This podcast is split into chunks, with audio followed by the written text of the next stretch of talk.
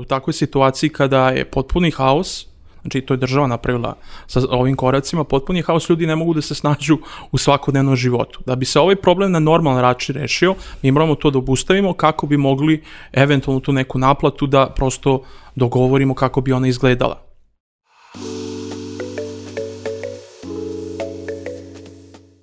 Ćao ljudi, dobrodošli u još jednu epizodu netokracijenog Office Talks podcasta.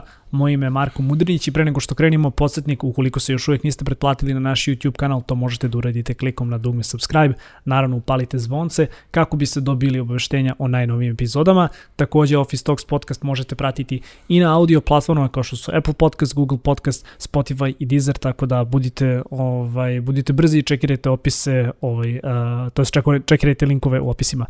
A moj današnji gost je Miran Pogačar. Mirane, dobrodošao. Hvala ti. Ti si freelancer, ti si odnedavno i predsednik udruženja radnika na internetu. Ovo je inače tema kojom se bavimo već nekoliko nedelja, pa evo uspeli smo, uspeli smo i tebe da obezbedimo kao sagovornika, dobrodošao u naš podcast. A, I za početak, a, mislim, pričat ćemo danas o aktualnoj tematici, ali evo za početak da te pitam, a, svi znamo negde manje više upuđeni smo u problematiku sa kojom se ovaj, freelanceri ovih dana suočavaju.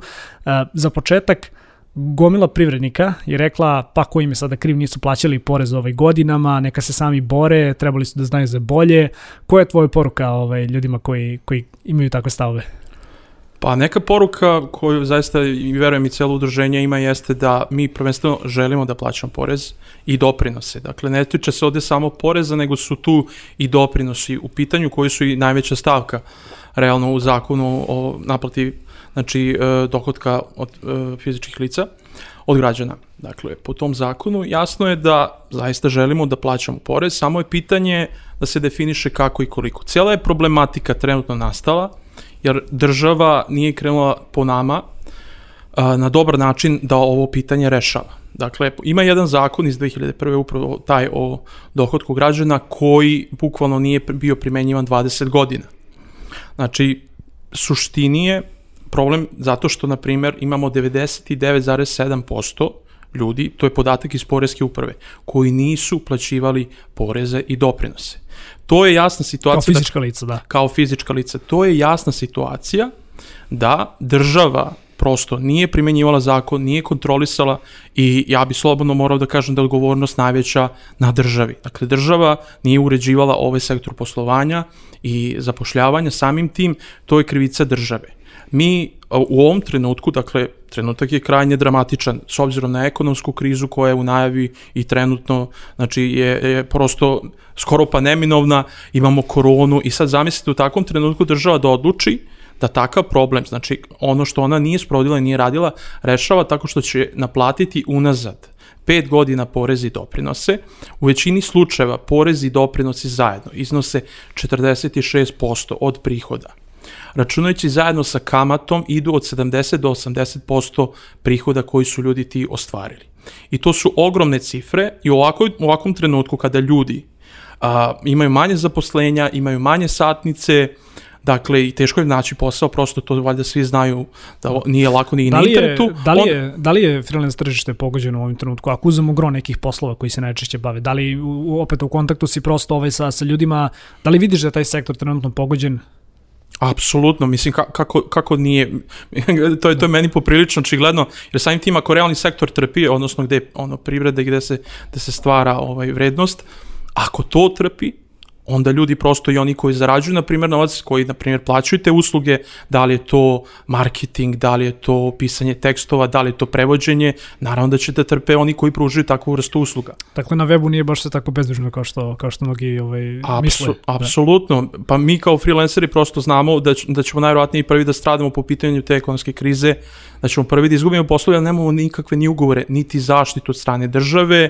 A, ukoliko, na primjer, poslodavac ili onaj ko, ko naruči neki tekst ili neku uslugu, a ukoliko ne plati, ne postoji skoro pa nikakav način da se to prosto naplati od njega. Ali ono što bih zaista hteo još da dodam, ono kad se me pitao vezano za privrednike, a, o, oni plaćaju porez, a mi kao nećemo, to prosto nije tačno, mi hoćemo i u ovakvim trenucima treba zaista biti solidaran i ne treba gledati, dakle, a, ne treba gledati u suštini a, ko je koliko zarađivo i ko koliko trenutno sa, zarađuje. To je, na primjer, ono što se mi trudimo da ne pravimo neku razliku u okviru udruženja freelancera, da li neko imao prihode 500 evra, 400 koliko ima najviše freelancera i da li neko imao 2000 evra unazad. Dobar deo isto, istih tih privrednika, odnosno a, paušalaca, koji su trenutno tvorili a, preduzetničke radnje, je ranije poslovao kao freelancer. Znači, nije plaćao a, a, doprinose i, i poreze, Dakle, nije, nije izmirivao u ranim godinama, ali, na primjer, od ove godine jeste. I sad, kad njemu dođe prijava, odnosno od Poreske uprave prijava da plati unazad porez i šta ćemo sa tim? Da, tehnički gledano i paušalci zapravo jesu freelanceri, ali da kažemo negde Jest. da opet sami su možda negde na tržištu rada ako nemaju ugovor ovaj, o radu, ako su samo da kažem konsultanti, ali dobro da ne ulazimo sada, sada u, u taj tehnički deo. A, udruženje je osnovno pre manje od mesec dana i iskreno u tekstovima koje smo ovaj, kao mi na netokraciji pisali, prvi se negde pozivao zapravo na to da je sada konačno ovaj, došlo vreme da se, da se udružite. Drago mi je da se to desilo sada, iako bih negde možda volao i da vidim da je, da je tako jedno udruženje postojalo i ranije. A, pretpostavljam da su ono kao da je, ti si naravno kao kao neko ko je zapravo predsednik ovaj udruženja ovaj radnika na internetu uzeo si ogroman posao negde na na svoje leđe uzeo si da se, da se baviš zapravo ovim tematikama. Pretpostavljam da je eto kao proteklih ovih mesec dana totalno totalno ludilo a uspeli ste da predate zapravo i zahteve ovaj ministarstva finansije. Šta piše u tim konkretnim zahtevima i šta konkretno zapravo tražite trenutno od ministarstva finansija to jest od poreske uprave? Konkretno od ministarstva finansija i predali smo i uh, premijerki Ani Brnabić. Mm -hmm tražimo da prosto uh, se obustavi naplata i svi budući postupci da se ne pokreću. Što se tiče a, poreza i doprinosa u poslednjih pet godina. Šta je tu problem? Problem je, na primer, da u takvoj situaciji kada je potpuni haos, znači to je država napravila sa ovim koracima, potpuni haos, ljudi ne mogu da se snađu u svakodnevnom životu. Da bi se ovaj problem na normalan račin rešio, mi moramo to da obustavimo kako bi mogli eventualno tu neku naplatu da prosto dogovorimo kako bi ona izgledala a, po zakonu. Dakle, a, svi oni koji duguju preko milion dinara nemaju pravo na reprogram. Znači, nemoguće, na primjer, te točkove zakonski trenutno reprogramirati. To je samo jedna od stavki. Onda mogućnost krivičnog gonjenja je isto tu jako bitna. Dakle, sve te neke stvari bi morali da dogovorimo sa državom kako bi ljudi bili sigurni da mogu jednostavno da radi i da posluju u ovakvom trenutku da, da, da se ne osjećaju ugroženim psihički i fizički na kraju država, kraja. Država jeste objavila rat mafiji. Da. Pa da, mislim, ispostavilo se da smo gori, ne znam, od Al Capone, kako smo ovaj, utajali porez nas, uh, ono, 100.000 se dogovorilo i odjednom sad svi ćemo da utemo porez. Apsolutno to je nemoguće i to je svako ko umalo uđe u tematiku i zapita se a, bit će mu jasno da, da krivica zaista nije na ljudima, nego na državi koja nije primjenjivala zakon i setila se kad je budžetska kasa prazna, da zahteva neki zastareo zakon koji nije koji nas ne prepoznaje na dovoljan i pravi način da primenjuje kako se njoj sviđa. I to je problem ove zemlje. Dakle, selektivna primjena zakona a, i on, odnosno, da, selektivna primjena zakona kao, kao osnovni način kako država ova funkcioniše. I to je upravo ova situacija. Hvala ti. A, odgovor još uvek iz ministarstva zapravo niste dobili. A, videli smo ovaj, neka gostovanja na, na televizijama, ali sve to u principu dosta dosta ovako da kažem šturo, ne postoji u ovom trenutku neka naznaka da će zapravo država želeti ili ovaj imati nekih ovaj indicija da se da se uključi u taj ovaj pregovor. A Zašto misliš da, da prosto još uvek niste dobili ovaj odgovor? Prošlo je već više od, ako se ne varam, 7, 7 10 dana, ovaj, 7 do 10 dana zapravo kako ste poslali taj zahtev. Da, da, zavisi kada će se ovo prikazivati, da. pa onda da, to je isto utiče na vreme, ali da, više od nedelju dana je sigurno prošlo. Samo bi dodao još jedan zahtev, jeste zahtev za pregovore. Znači, prvo, primarno, dakle, mm -hmm. da se obustavi naplata i da se počne sa pregovorima. Dakle, bez pregovora, bez normalnog dijaloga, ovo, ovaj problem ne može da se reši. Zapravo želite da vas neko kontaktira i da, da vam da priliku da iznesete svoje stavove direktno direktno. Jeste. Jedino kako smo dobili neke informacije od strane države i pres, njenih predstavnika, jeste preko medija, par izjave, par izjava od uh, premijerke Ane Brnabić i ministra financija, dakle oni su rekli uh, klasičnu jednu floskulu porez mora da se plati, a pričat ćemo možda nekad o tome kako da ovaj zakon prilagodimo. Dakle, to je ono što smo čuli od uh, ministra Siniše Malog, što apsolutno uh, u, neku, u neku ruku nama znači dakle, da u ovoj zemlji izgleda da bilo koji ozbiljni problem mora da se rešava a, bar se meni tako čini u ovom trenutku na ulici. Dakle, mi pokušavamo na sve moguće načine da stupimo u kontakt sa njima, da sednemo za sto, jer zaista ovo je problem koji se tiče desetina, ako ne i stotina hiljada ljudi i to mora da se reši. Da. Organizovali ste ovaj digitalni protest, što mi je bilo ovako jako, jako interesantna ovaj akcija. O čemu je zapravo reč? Pa, ta akcija je jednostavno u neku ruku iznuđena prosto situacijom da, da su počeli prijave ponovo da pristižu ljudima i tu uh, masovnom broju, odnosno za dva dana smo dobili preko 20 prijava. 20 ljudi nam se javilo sa ovim problemom da je Poreska uprava i kontaktirala, da se jave njima i da ovaj, uh, objasne na koji su način privali novac iz inostranstva. Mi smo morali na neki način da reagujemo i s obzirom na koronu i situaciju, uh, mislili smo da je takva jedna vrsta akcije, manje akcije, nešto što je neophodno da pokažemo jednostavno i poreskoj upravi svima a, koji to slušaju, gledaju i prate, da smo tu, da želimo da razgovaramo i da na neki način stavimo do znanja da, da umemo i mi da odgovorimo. Dakle, ovo je zaista jedna, jedna simbolička akcija koja, koja jednostavno neće njima nešto mnogo nauditi, ali prosto to je neki prvi korak našeg pritiska ka, ka institucijama. Da li vidiš da bi taj simbolizam ovaj, iz digitalne sfere mogao negde da preraste i u fizičku? Mislim, evo, daću, daću jako, ovaj, možda banalan primjer, ali, znaš, kao, gomila ljudi u IT-u se negde nije slagala sa sa idejom da se ovaj da se taksistima toliko ovaj, podilazi i da da im se pušta da da blokiraju Beograd, da blokiraju da kažemo ovaj prosto glavni grad Srbije. Da li vidiš negde može potencijalno ovaj potencijalno rešenje vašeg problema i izlazak na ulice? Da li vidiš prosto da se to može onda desiti do kraja godine ukoliko država ovaj dalje bude i slepa i gluva za za vaše zahteve? Pa ja to ne, u svakom slučaju ne bi iskočivao. Dakle, s obzirom kakva je situacija u zemlji da imamo sve više obolih od korone, to je zaista i problematična stvar je jednostavno i zagovarati tako nešto javno, jer javna okupljanja nisu dozvoljena. To je jedno. Ali ako imate a, hiljadu, dve hiljade ljudi koji su dobili rešenja koji ovaj, govore o tome kako, da li će da idu u zatvor, da li će da se ubiju, nekoga da ubiju, to su zaista ozbiljne stvari. Ljudi su pod ozbiljnim pritiskom. I ja ne mogu da garantujem da, da, ne, da neko od tih ljudi koji konstantno pozivaju svaki dan skoro i na protest, ja ih apsolutno razumem, samo mislim na kraju ako dođemo do toga da, da moramo da rešamo stvari na ulici, odnosno da tražimo a, rešenje na ulici, onda je zaista za to kriva država. Dakle, a mi ćemo probati na sve načine da stupimo u kontakt i prosto da rešimo ovo za, za stolom, dakle, dijalogom, a ukoliko dođe do, do tog trenutka da ljudi izađu na ulicu, za to je apsolutno kriva i država. I za eventualno one koji, koji odbole od korone, po, uzrokovano tim protestom što su bili da, na protestima. slažem se. E sad, ovaj, žela bih još prosto da, da malo ovaj, govorimo o samom udruženju. Spomenuo si da, da vam se nekoliko ljudi javilo koji su zapravo primili poziv od Poreske uprave, to od Ministarstva financija, ispravit ćeš me u bilo kom trenutku ukoliko, okay. ukoliko grešim, a, da zapravo se jave a, kod svog ovaj, lokalnog poreskog ovaj, inspektora, ako se ne varam, i da se krene zapravo u proces ovaj, utvrđivanja da li je ovaj bilo eventualno nekakvih, ne mogu kažem zloupotreba, ali da li je bilo nekih ovaj, tehničkih nepravilnosti, da li su oni, da kažem, prosto ovaj, plaćali porez za, za taj novac koji su ovaj, ostvarili, to taj prihod koji su ovaj, imali ili ne. A, kako vi sa strane udruženja zapravo ovaj, komunicirate sa takim ljudima? A, na, naravno, nećemo govoriti o njihovim identitetima, mislim da yes. čak možda nije, nije ajde možda, možda možemo da govorimo o tome koji je profil tih ljudi, ali šta zapravo udruženje radi u ovom trenutku i kako vi njima pomažete u rešavanju tih problema? Vi imate dakle ono u okviru udruženja i par pravnika, dakle ne, nekoliko savetodavnih uloga, ako možeš da nam kažeš možda koje su to uloge i kako zapravo pomažete ovaj takvim takvim ljudima?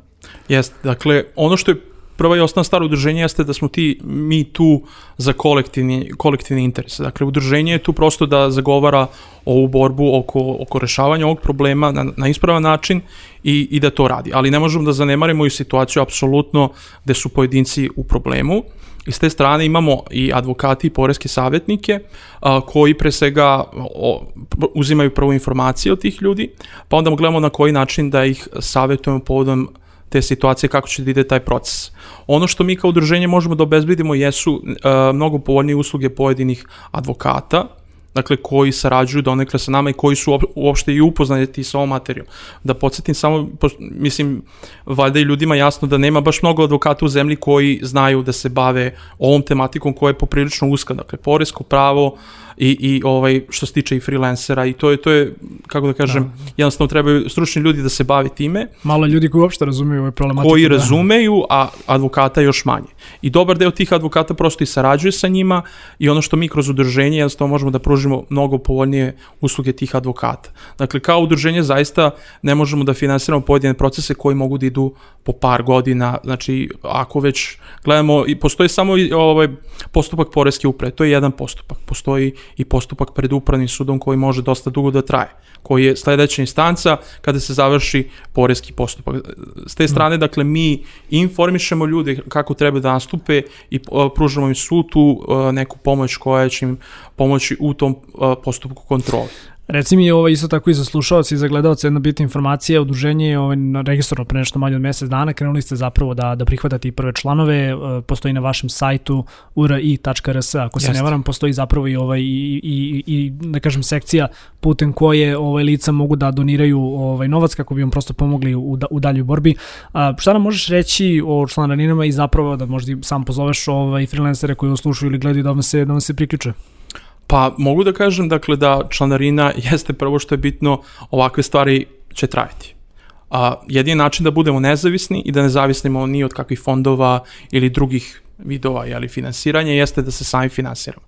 Članarina je na nivou 300 dinara mesečno, ja mislim da je to fair i korektno u ovoj situaciji, a, da, da se plaća i plaćamo dakle, od početka pola godine, znači tražimo tu prosto pri učlanjenju, jer zaista uh, svi koji smo trenutno u udruženju radimo na volonterskoj bazi. Niko ne prima nikakve plate, prihode, od, ništa ne prihode od samog udruženja. Tu je preko 40 ljudi trenutno uključen u rad udruženja svakodnevno. To je zaista veliki broj ljudi koji imaju entuzijazam. Ja ne mogu da garantujem za mnogi od njih da nećemo morati neku naknadu njima na kraju, na primjer, da damo, jer zaista veliki je doprinos njih da ova situacija za, i bude u javnosti prepoznata. Kao što si rekao, ja i pozivam ljude koji, koji imaju ovakav problem, znači što se tiče e, poreske uprave, ako su radili i nisu u periodu od 2015. godine, prosto to je neki period koji e, zahvata poreska uprava, nisu plaćali poreze i doprinose, da se jave u udruženju, da se učlane i da prosto zajednički, bitan je tu i broj ljudi koji su u udruženju, zajednički da vodimo ovu borbu, jer ona će najvjerojatnije da traje. Da, hvala ti. A, još jedno pitanje, ovaj, pominje se zapravo da je ova naplata a, u, u jednom svom segmentu zapravo i, i, i protiv zakon, zakonita. Go, govori se da, da su u pitanju zapravo neki zakoni koji su doneti te 2019. godine, a da se zapravo naplata sada vrši ovaj, ili, da, ili da se potražuje ovaj, retroaktivno. O čemu je, o čemu je tu reč? Pa reče da porez na dohodak građana, dakle, a, pojedine kategorije nije na pravi način prepoznavao, znači što se tiče kako su oni prihodovali. I onda su to rešili uh, o, zakonom o obaveznom socijalnom osiguranju 2019. godine, gde faktički postoji problem da li se tu doprinosi mogu računati unazad.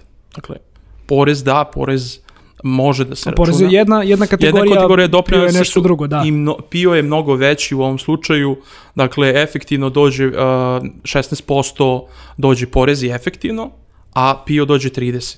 To je ono ukupno što kažem 46 posto. To je u većini slučaje, zavisi koja je poreska osnovica, da ne ulazim u detalje, ali ono način kako je poreska uprava obračunavala jeste da obračunala oko 46% na celokupan prihod e, ljudi. I sad je tu problem, zaista i to, to moramo i, i da razjasnimo u javnosti da li, da li postoji mogućnost da, da se doprinosi naplaćuju unazad od e, 2000 20. godine. Znači, ono što je naš stav trenutno jeste da bi to trebalo i država da primeni, dakle da se usvoji da, da porezi i doprinosi donekle ako bi se i naplaćivali, da bi... Da onda budu upisani prosto u radnu I upisani, i to je, i to da. je, imali smo situaciju jednu a, da je čovek tri godine, znači on je popun, jedan od malobrojnih koji su popunjavali PPPOP, obrazac koji se popunjava, a, tri godine je proveo a, pokušavajući da upiše staž i da bude osiguranik, dakle da ima zdravstvenu knjižicu. On je proveo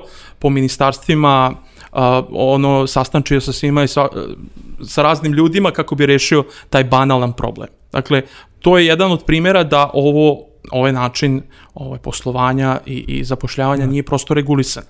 Nismo izlazili sa javnim podacima koje, ali možda ćemo izaći na kraju. Da. A, imamo i situaciju da, da su ljudi, na primjer, platili a, onaj a, porez od 2 miliona i 400 hiljada, u poreskoj upravi, a da nisu pla platili porez na dohodak. Dakle, država, odnosno poreska uprava, nije primenjivala taj deo zakona. Imamo čist primjer da su ljudi, kažem, platili 2 miliona 400, To je na porez ako primaš vi- više primanja, tako je, pa Jeste. preko toga isto, ako se ne varam, 15% plaćaš ili Jeste, tako, je, nešto. da, da, da. E, to je čovjek platio, znači poresku za jednu godinu, a nije platio A, nije. porez i doprinose na zaradu. Da. I to je, to je ta situacija, kažem, koju treba zaista naglašavati da poreska uprava nije primjenjivala zakon i sad su se setili da primene kad njima odgovara. U jednoj od prethodnih epizoda ovaj, bila ovde osnivačica Centra za istraživanje razvojnih politika Branka ovaj, Anđelković, verujem da, verujem da si u kontaktu zapravo sa njom. A, govorili smo malo o tome kako zapravo malo veći deo epizode smo zapravo govorili o tome kako trenutni ovaj zakon zapravo radu ispričaš mi tačno koje ime, ali Mhm. zapravo ne prepoznaje kategoriju freelancera. Pomenuo si i slučaj ovog gospodina a, koji zapravo tri godine pokušavao negde da, negde da ostvari ovaj, svoja prava i da prosto može da koristi ove usluge ono, i socijalnog i da ima staž i sve te neke stvari. Jer trenutno zakon u ovom trenutku ne prepoznaje zapravo slobodnjake, ne prepoznaje freelancere. Druga možda struja ljudi koji jesu ovaj, registrovani preduzetnici mi rekli pa dobro zašto se zamajavao, zašto nije osnovao ili paušalnu agenciju, zašto nije DO, de, da se ne lažemo imaš i opet veliki broj ljudi koji su prosto po tom nekom osnovu uspeli da ovaj da budu zaposleni i uspeli prosto da da izmire sve te neke ovaj obveze. A, kapiram da je u ovom trenutku opet dosta tih nekih aktualnih stvari sa kojima morate da se bavite, ali isto tako smatram lično da ovo nije samo pitanje za Ministarstvo financija ili za Poresku upravu, već da Apsolutno. bi svakako trebalo da se uključi i Ministarstvo za rad, so- Poročka je pla, E, pla, prava i socijalna da. pitanja. Ministarstvo čije, čije ime Ministarstvo za rad da, da, prosto Ministarstvo za rad, da, da, da, za koje ministarstvo čime, čime ovaj, apsolutno nikad u celosti ne da izgovorim, ali a, da li vidiš u nekom narodnom periodu, naravno, i dalje ste, da kažem, mojim nekim aktualnim pitanjima, ali da li vidiš prosto i sa te zakonske strane da bi negde freelanceri trebali da budu ovaj, prepoznati, da li ste možda u udruženju pričali prosto o tim stvarima, jer jedno je ako rešiš, da kažem, ovu stvar za, za, za dugovanje, pričat ćemo malo i o tome kako, kako vi zapravo vidite neki ovaj model da se to reši, ali s druge strane i dalje imaš problem što čak i ako uspeš da rešiš ovo u prethodnom ovaj periodu ti dalje nemaš uh, nemaš nekakav da kažem legitiman sistem da zapravo budeš ovaj priznat kao kao samozaposleni radnik u Srbiji. Da, pa dobro, dosta si sad tu pitanje postavio, ali evo ga da krenemo zakona o radu. Dakle, jeste, to je tačno. Šta piše u zakonu o radu? Piše u zakonu, dakle, u zakonu stoji jasno da da ko, ko je onaj zaposleni. Znači imamo zaposlenog i poslodavca. Zaposleni je onaj koji ima ugovor o radu. Samim tim on ima ona prava koja, koja bi mi donekle trebali da imamo, a većina, ako ne i svi freelanceri, upravo nemaju taj isti ugovor o radu. Čak i ugovore koje imamo sa poslodavcima su poprilično neprimenjivi jer samim tim nema institucije ili nema načina da se a, ta, ta firma ili taj poslodavac obavežu i da se to primeni. U slučaju da ima neko samo kršenje. uslovi korišćenja platforme, na primjer, da. Pa da, samo uslovi korišćenja platforme, dakle to imamo, kažem, postoji neki ugovori, na primjer ja sam nastavnik engleskog jezika pa znam da popiš, potpišemo neki ugovor sa firmom, ali koji apsolutno nema način da se sprovede ako bude nekih ovaj mislim a, a, jasno je valjda svima da o, prosto u ta, takvom radu, u ovakvom poslu vi možete dobijati otkaz sutra ako to oni žele. Dakle, vi nemate otkazni rok, nemate mogućnosti a, nikako da se branite. I to je za razliku od pre, preduzetnika i paušalaca u zemlji, na primjer advokata ili taksista, ukoliko oni imaju neko dugovanje, ili, odnosno ukoliko imaju, imaju potraživanje prema nekome, njima država to može da obezbedi. Odnosno, imaju zakonskog okvira kako oni to potraživanje da naplate. Mi to nemamo. Dakle, ako vam neko ne isplati platu, e, zaradu, prihod, šta god, vi to ne možete da dobijete nazad. I to je problem ono sa freelancerima. Dakle, neki jesu paušalci i dobar deo ljudi koji su zarađivali, ako ne i svi, koji su zarađivali veće cifre redovno, ako su imali redovna primanja, su postali paušalci. I naš je stav kao i udruženja, ako neko prihoduje značajnije sume, da mu, da mu se isplati da prosto bude paušalac da manje glavobolja. manje glavobolja, znači postoji već to e, neko zakonsko rešenje, to je jedno. A, druga je stvar, e, šta je sa ljudima koji ne prihoduju redovno, koji, koji jednostavno ne zarađuju toliko. Nekome 35.000 z- jeste ozbiljna cifra. Znači ozbiljna cifra ukoliko on zarađuje jedan mesec, mesec 500 evra, a drugi 700, a treći 300 evra. Dakle, dobar bi deo tih istih prihoda otišao državi. Samim tim mi tražimo neko tu među rešenje o kome je i Branka pričala, da jednostavno i te ljude koji su ispod te neke cifre, ne znam, ajde sad ću reći 1000 evra, ne bi previše da se licitiramo u ovom trenutku, ali ajde da su ispod te neke cifre imaju neredovne prihode, da bi trebalo neko rešenje da prosto postoji za njih i da, da zakonski pro, uh, i ove ljude koji su samostalci, radnici na internetu, odnosno freelanceri, zakonski uvedemo u legalne tokove. Dakle, ja ovo govorim mi, zato što vidim i državu tu jednostavno kao instrument i način da se ovo reguliše, ne kao nekog protivnika, nego zaista da mi želimo da uđemo u legalne tokove i da radimo normalno, idemo prava za to. Znači, ne samo obaveze o kojima se konstantno priča, niko ne govori o pravima i kako ćemo mi da se zaštitimo, odnosno da imamo neke beneficije od toga, eh, ono što bi trebali da platimo. Na da. primjer, samo jedna činjenica, šta da radimo sa zdravstvenim, koje nam traže, traže pet godina nazad, a nismo plaćali, nismo ga iskoristili, nismo imali mogućnost da ga koristimo. Šta je sa tim? Hoću da kažem, moraju prvo da se regulišu stvari na pravi način da bi onda mogli da se primenjuju. Da. To je to je suština. Istina. A, kako vidiš neko najrealnije rešenje zapravo za ovaj problem? Slažemo se da verovatno neće svi zahtjevi biti ispunjeni ako se istupi u, u, u taj neki proces pregovora. Jedna struja opet prirodnika bi rekla pa dobro možda nije fair da se potražuje pet godine unazad neka naplata poreza, u ovom slučaju sigurno ne doprinosa, ali hajde da se to možda ono obaveže da bude samo za 2020. godinu ili za neki kraći period. Um, nam da možda sad opet nezahvalno da govoriš ovaj, ispred udruženja o takvim nekim stvarima, ali da budemo mm -hmm. realni, nismo, nismo ovaj podcast koji, koji želi samo ovaj, o nekim light temama da govori, da budemo realni i da zapravo onda dođemo do toga da se i freelanceri i država nađu na ne, za nekim pregovaračkim stolom i da se nađe neko zajedničko rešenje koje kao što sam rekao u jednom od prethodnih epizodi, epizoda zapravo neće biti ovaj, idealno ni za jedno ni za drugo, nego će da bude rešenje sa kojima su obe strane možda najmanje, ovaj, najmanje zadovoljne, ali koje, koje zapravo radi. A, šta bi prema tvom a, mišljenju ili prema mišljenju ili prema stavu zapravo ovaj, udruženja bilo neko fair i konkretno rešenje koje je možda najrealnije na koje država može da pristane? Pa, poprilično nezgodno pitanje samim tim što nismo ušli u pregovore. Dakle, pregovori su a, mesto gde će te neke stvari, a ja, ja se nadam da zaista da ćemo doći do toga, da se te neke stvari utvrde, Dakle, preko sam o, o problemima, ne postoji mogućnost za reprogram ako vas a, počne Poreska uprava da ispituje vaše prihode, a, moguće je da krivično odgovarate, to su, to su samo dve činjenice ko, oko kojih treba da vidimo kako bi se one rešile. Dakle, da se mm -hmm. ti mhm. ljudi ne gone, da, da postoji mogućnost za reprogram ako budemo uopšte i pristali na, na a, plaćanje unazad poreza. Ono što meni zaista će se čini kao neko možda i najbolje rešenje jeste da vidimo što kraći period naravno da bude što se tiče plaćanja poreza, a da doprinos eventualno bude za 2020. godinu. I to bi neki bio, ja mislim, i poslednji e, moment od koga mi zaista ne bi, ne bi odustali u nekim pregovorima. Dakle, unazad porez da se plati do neke određene granice, a doprinose za 2020. godinu i da bi to bilo zaista i fair i prema državi koja nije sprovodila zakone, a i prema ljudima koji nisu bili obavešteni, ali zaista i nisu jednostavno ni plaćali te poreze i doprinose. I onda bi i država dobila pre svega a, nove obveznike koji bi redovno izmirivali obaveze.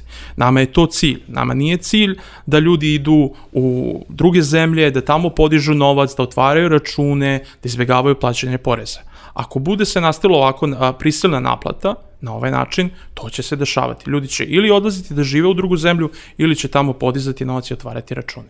To ja mislim da državi nikako neće koristiti. Ona ne može da naplati a, veliki broj ovih a, a, prihoda, znači koji su bili unazad, to je jedan, jedan relativno spor proces, oni nemaju kapaciteta, samim tim mnogo je bolje i za njih i za nas da sednemo zajedno i da dogovorimo kako bi to izgledalo. Da. Mirane, ja ti zaista želim ovaj, tebi udruženju ono, punu, punu sreću i punu podršku naravno u rešavanju ovog problema, da se zaista negdje i sam smatram da je potrebno naći kompromisno rešenje i da se, da se već jednom ovaj, pređe ovaj prag i da se prosto freelanceri uvedu u, u, u legalne tokove. Još jednu stvar koju sam ovaj, čisto za kraj hteo, hteo da, ovaj, da, da pokrijemo, a U ovom trenutku imamo više prosto nekih udruženja i, i asocijacija, organizacija koje se bave ovom problematikom. Opet, veliko je pitanje, velike negde i, i broj freelancera, tako da je negde možda i okej okay da niste, da niste sami zapravo u, u, u ovom problemu. A, da li komunicirate sa tim drugim udruženjima, sa tim drugim zapravo organizacijama, da li eventualno možda planirate neke zajedničke akcije u ovom trenutku, kako ti zapravo gledaš na, ne mogu da kažem uh mhm. -huh. možda na frakcije, ali prosto na, na, na više organizacije koji se, koji se bave ovim problemom?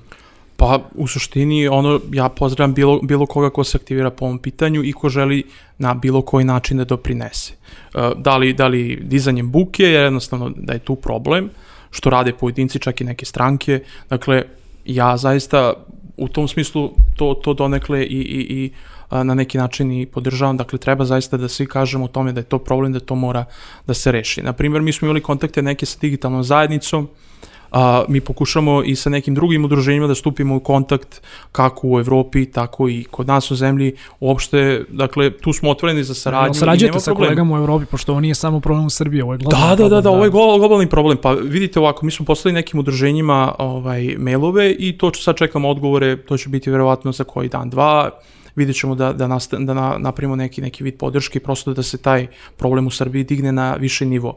Jer ovaj problem oko naplate unazad se samo dešava u Bosni. Dakle, u svim ostalim zemljama on, on, to nije bilo rađeno na takav način, nego su doneti propisi, da. uređeno je prosto poslovanje i zapošljavanje. Bosanski model se baš navodi kao loš primjer za, za rešavanje to, ovog to problema. Jeste, da. To jeste loš problem, jer mnogi ljudi prosto više ni ne žele da se bavimo ovim poslom, zato što su im uh, naknadno, odnosno unazad naplaćivali porezi i doprinose. To, to, je, to je taj problem. I to ne želimo u ovoj zemlji da se desi, da mnogi ljudi odustanu od ovakvog vida rada, nego jednostavno da dužu u legalne tokove i da a, rade normalno i da država ima koristi od toga. Da. Hvala ti Mirane, ovaj, kažem još jednom, ono, puno, puno podrška ovaj, u, u borbi za, za prava i iskreno se nadam da ćemo negde naredni put kada budemo razgovarali o ovoj temi već moći da, da vidimo i neka konkretna rešenja koja će doći kako sa strane ovaj, udruženja radnika na internetu, tako i sa strane države. A, slušalci i gledalci, još jednom oveštenje, dakle, zapravo udruženje možete podržati na sajtu uri.rs, bit će svakako ovaj, u opisu ovaj, videa i link ka, ka sajtu.